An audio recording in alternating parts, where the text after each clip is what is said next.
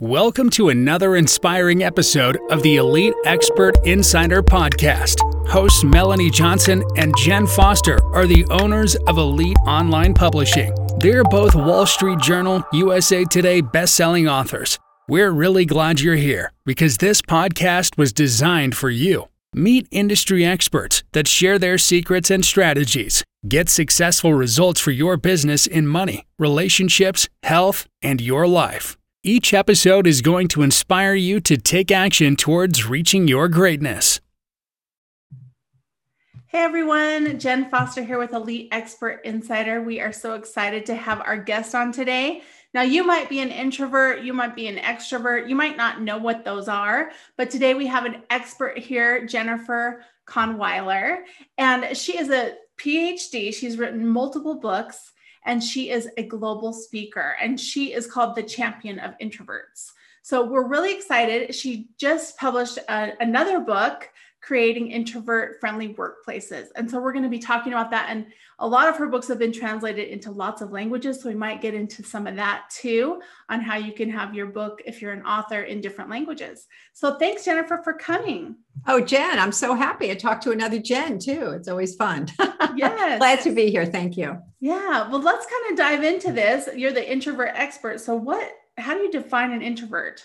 Well, you know, it, it, takes a lot of uh, permutations these days. So I'm, I'm, glad you asked the question so we can sort of just clarify where it is now. Uh, the first term first came up in the early 1900s with Carl Jung, the Swiss psychologist.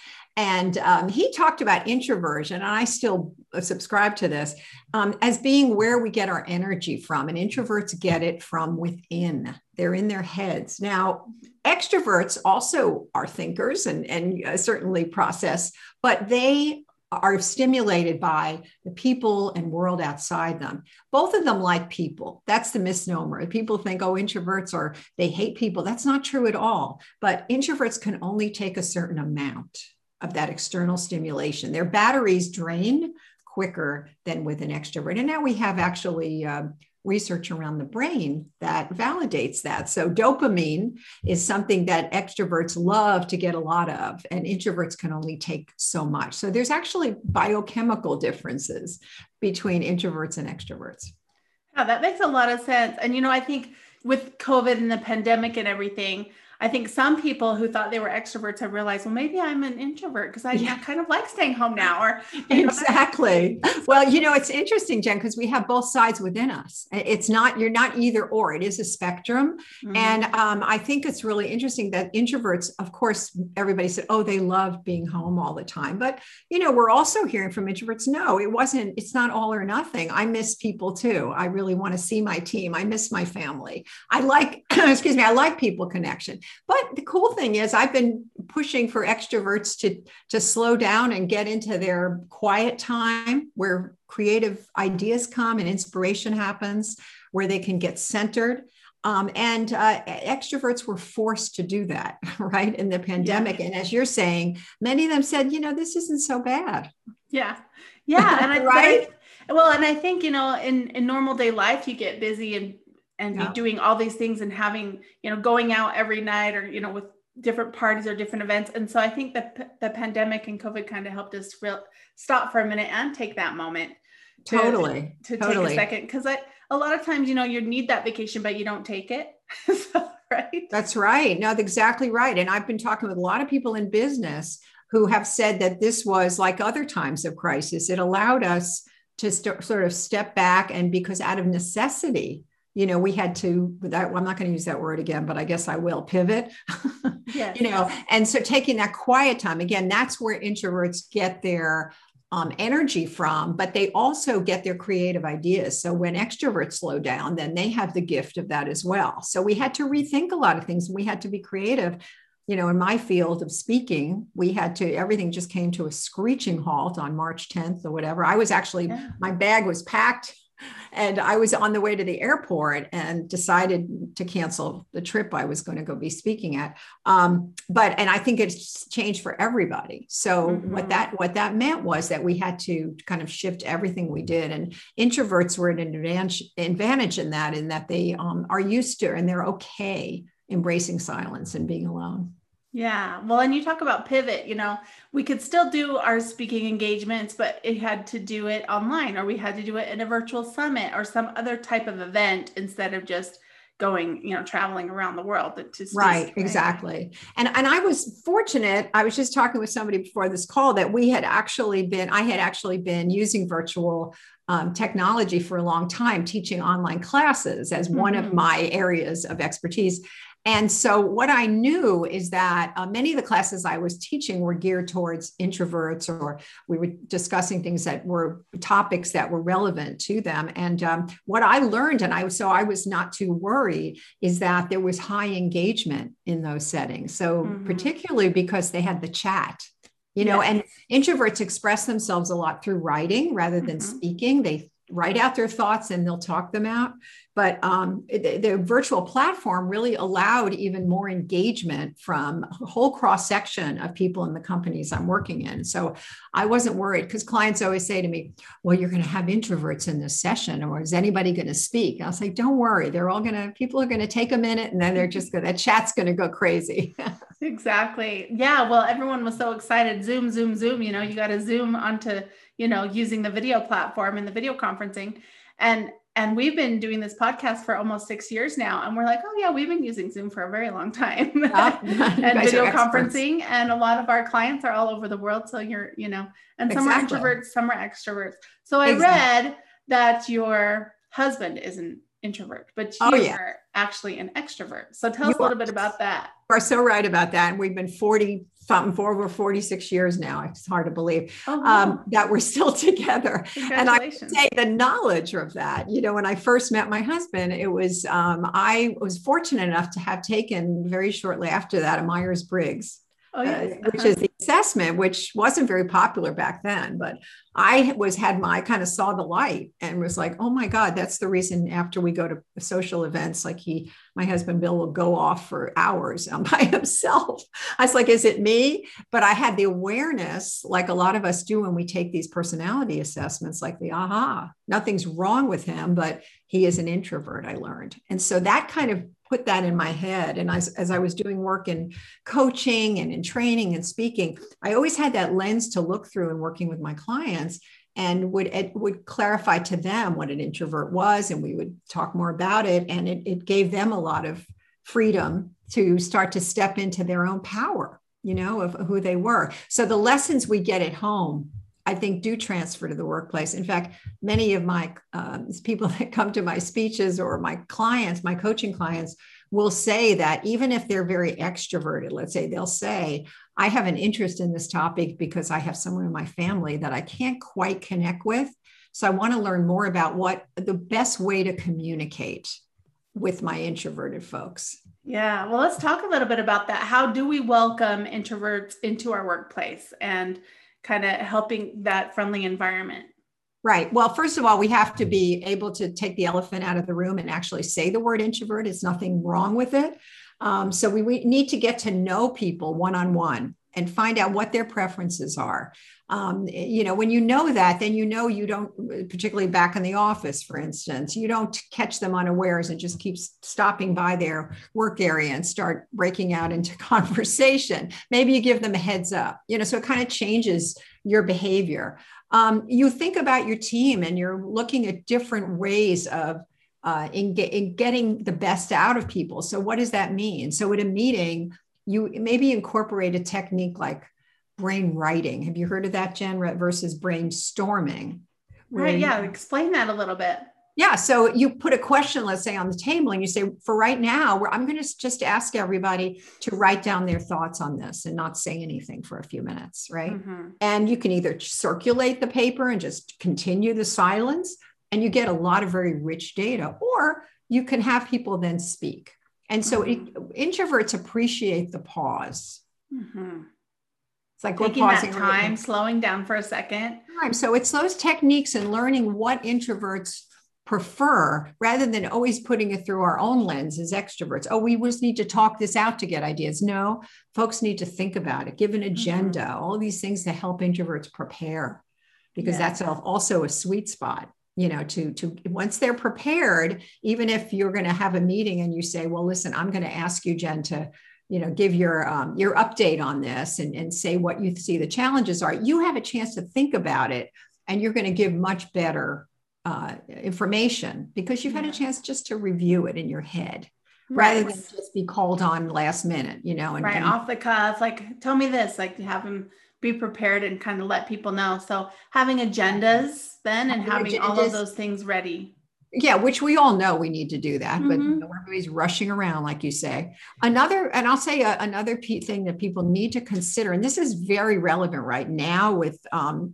folks talking about a hiring shortage mm-hmm. um, that, that we really need to consider introversion in the mix are we dismissing potential candidates because maybe they're not the kind of person we quote would like to have a beer with you know mm-hmm. somebody who isn't maybe that gregarious but what might that have to do if anything with the job that they're actually being hired for um, so i think we need to kind of separate those things be real clear about what we're looking for and not just mix up personality just think you know thinking they don't fit quote unquote um, and so I think those are a couple of things that we can do as leaders. There's a lot more in the Creating Introvert Friendly book, you know, whole list of by seven areas that we took a look at, Jen. We looked I went out to Silicon Valley before COVID and looked at a number of progressive companies around the country and in the world actually and looked for like what i call pockets of introvert inclusion. So we found things that bosses were doing that teammates were doing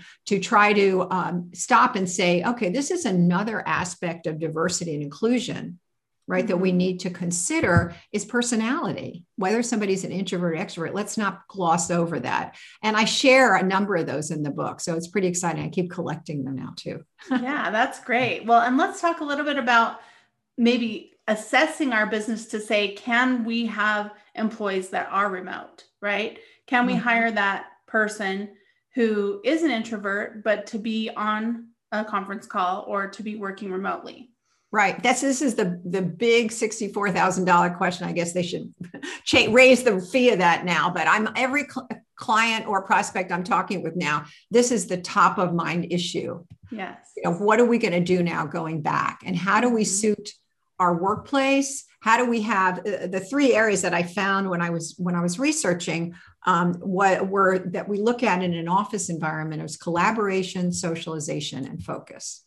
And um, many of the clients that I'm talking to now are saying we are, and individuals, we are missing that that true collaboration um, and socialization. Is you can do it on Zoom, but it, you're just missing that sort of you know the thing that you can't even put your finger on when you have mm-hmm. those extemporaneous conversations, when you're walking by somebody's area and you hear what they're working on, it gives you context to yours, or you run into each other right at the coffee place mm-hmm. and you just have a conversation that helps your project. That doesn't happen virtually. So right. there, a lot of the clients are talking about hybrid situations. Mm-hmm for introverts you know we did a we did a study um, just a few months ago we had a huge response of like 200 just introverts and uh, 90% of them said they wanted to continue with remote work. Now, they, you know, not necessarily indicating how many days a week. Um, yeah. For some jobs, it's possible that you can do that. I think we've learned many managers who were very much against remote work are now realizing or have realized that there's a lot that can get done. People can be very productive. Yeah. So I think we need to take so many of those those factors in mind. People love not having the commute, Jen. That was yeah, the time management factor. Yeah. I mean, not paying for you know specific like a lot of things can get done in a shorter amount of time now, um, right. and right. and the commute and and all of the the busy work that happens in an office that doesn't need to happen at, when you're. No, you're focused. right. You're totally right. I had a, a, client say to me the other day when I was done at three o'clock, I had to sit there yeah. right? Rather than go home and get stuff. Now right. she can do a load of laundry, not have to do that. But, you know, as I say, the challenges are the lack of connection for new employees coming on, getting a, a sense of the culture and what mm-hmm. it's really like,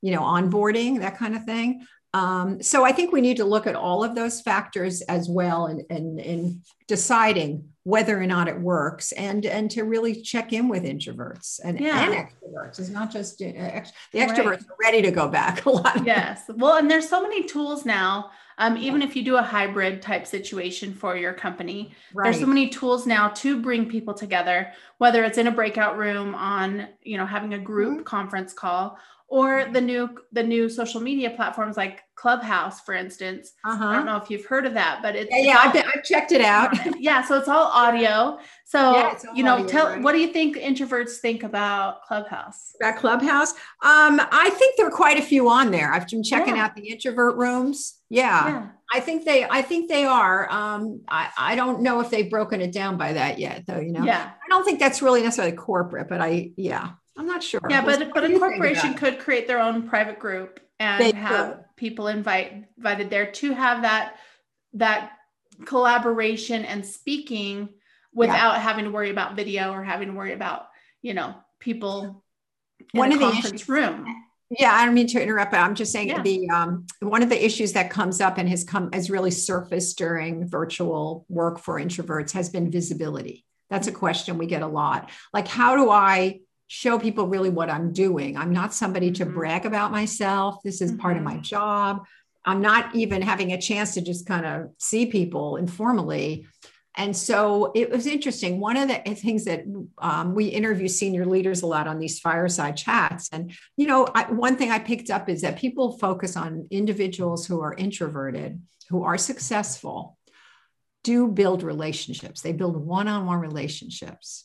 So when people know you, then they can promote you, they can share your accolades with others. I mean, you can do some of that and you need to let people know what you're up to and what results you're getting, but it's not natural or comfortable for introverts. So we like to say, don't push yourself so far out of your comfort zone that it's going to be excruciating. Right. You know, make it just enough so we challenge ourselves, but let's build up our kind of our bastion of, of um, allies who can speak up for us in the in the workplace. And i think that's a strategy that i would recommend to people as a, as a way to really uh, continue to achieve visibility I love that. Well, tell people where they can find your book, the book that you the everywhere, everywhere, uh, yeah, anywhere you like to buy your books, um, including Amazon, of course, um, and independent bookstores as well. So, yeah, if you go to my website, you can also jenniferkahnweiler.com. We actually have provided some pretty meaty excerpts of each book that you can download a PDF of. And I also encourage people, we have a quiz for each of the topics like introverted leadership, quiet mm-hmm. influence, uh, genius of opposites, which talks about how do you get along with your opposite, introvert or extrovert. And it works for uh, husbands and wives too, Jen, when mm-hmm. you're asking.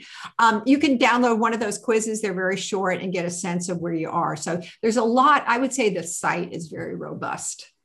Okay, perfect. So people can visit Jennifer kahnweiler.com for more information there. And and tell us a little bit before we go about how did you get your books in 17 or now 18 different languages? Great question. I have a great publisher, and one of the Berrett-Koehler, and one of the um, things that they do is that they really fo- they have a focus on um, selling subsidiary rights. Mm-hmm. And but as an author too, I um, I supported that. You and I'm sure you advise your authors to work very closely with who's ever publishing their book. You're a team, yeah. right? Mm-hmm. So I one of my goals when I was writing my first book was to travel more internationally. I had mm-hmm. done quite a bit here, and so what I would do is let my publisher know when I was headed somewhere, and then we would market the book over there. I would speak about it. You know, one mm-hmm. place was in Germany where they set up like these salons for me. We'd have conversations, and then the book they like the publishers like it over there because then you're promoting and then they have the author you know coming so everybody's yeah. doing a book signing. So i think in being involved in the promotion um, is mm-hmm. really good. But yeah that's that's how we do it. Now you guys do it for your you you advise people about how they can get their books sold in different languages too right? Yes definitely. Yeah. and so what would your advice be to an introvert who maybe doesn't want to travel or do the, those book signings? What would you recommend them you mean for the promotion? Yes. yeah, promotion. there's a lot of ways to do promotion very strategically.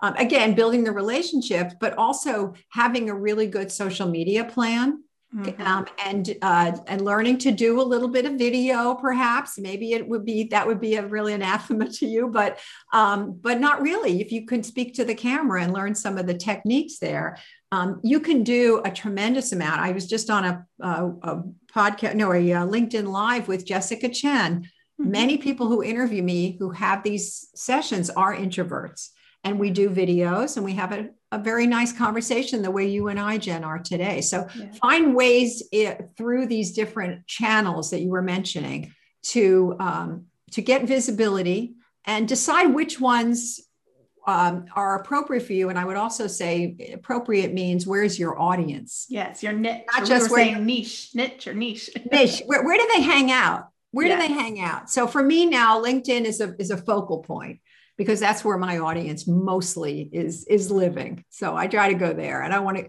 i still like instagram but i don't spend as much time at facebook because i've made some decisions about that yes i, I agree. Great. Well thanks so much for coming today jennifer. And everyone can go to jenniferkahnweiler.com we'll put the link up in the video as well in this as in the show notes. And thank you for being a guest on elite expert insider. My pleasure jen. Thank you for a great interview. Thank you. And everyone remember to subscribe and to leave a comment. We'd love to hear from you. Have a great day. Hey, are you looking to increase your revenue, build credibility, and elevate your brand? This podcast is brought to you by Elite Online Publishing, an innovative publishing and full spectrum marketing company. They will publish and market your book to make it a number one bestseller. Becoming an author is the best way to market your business. So contact them at eliteonlinepublishing.com today. All of their authors become number one bestsellers.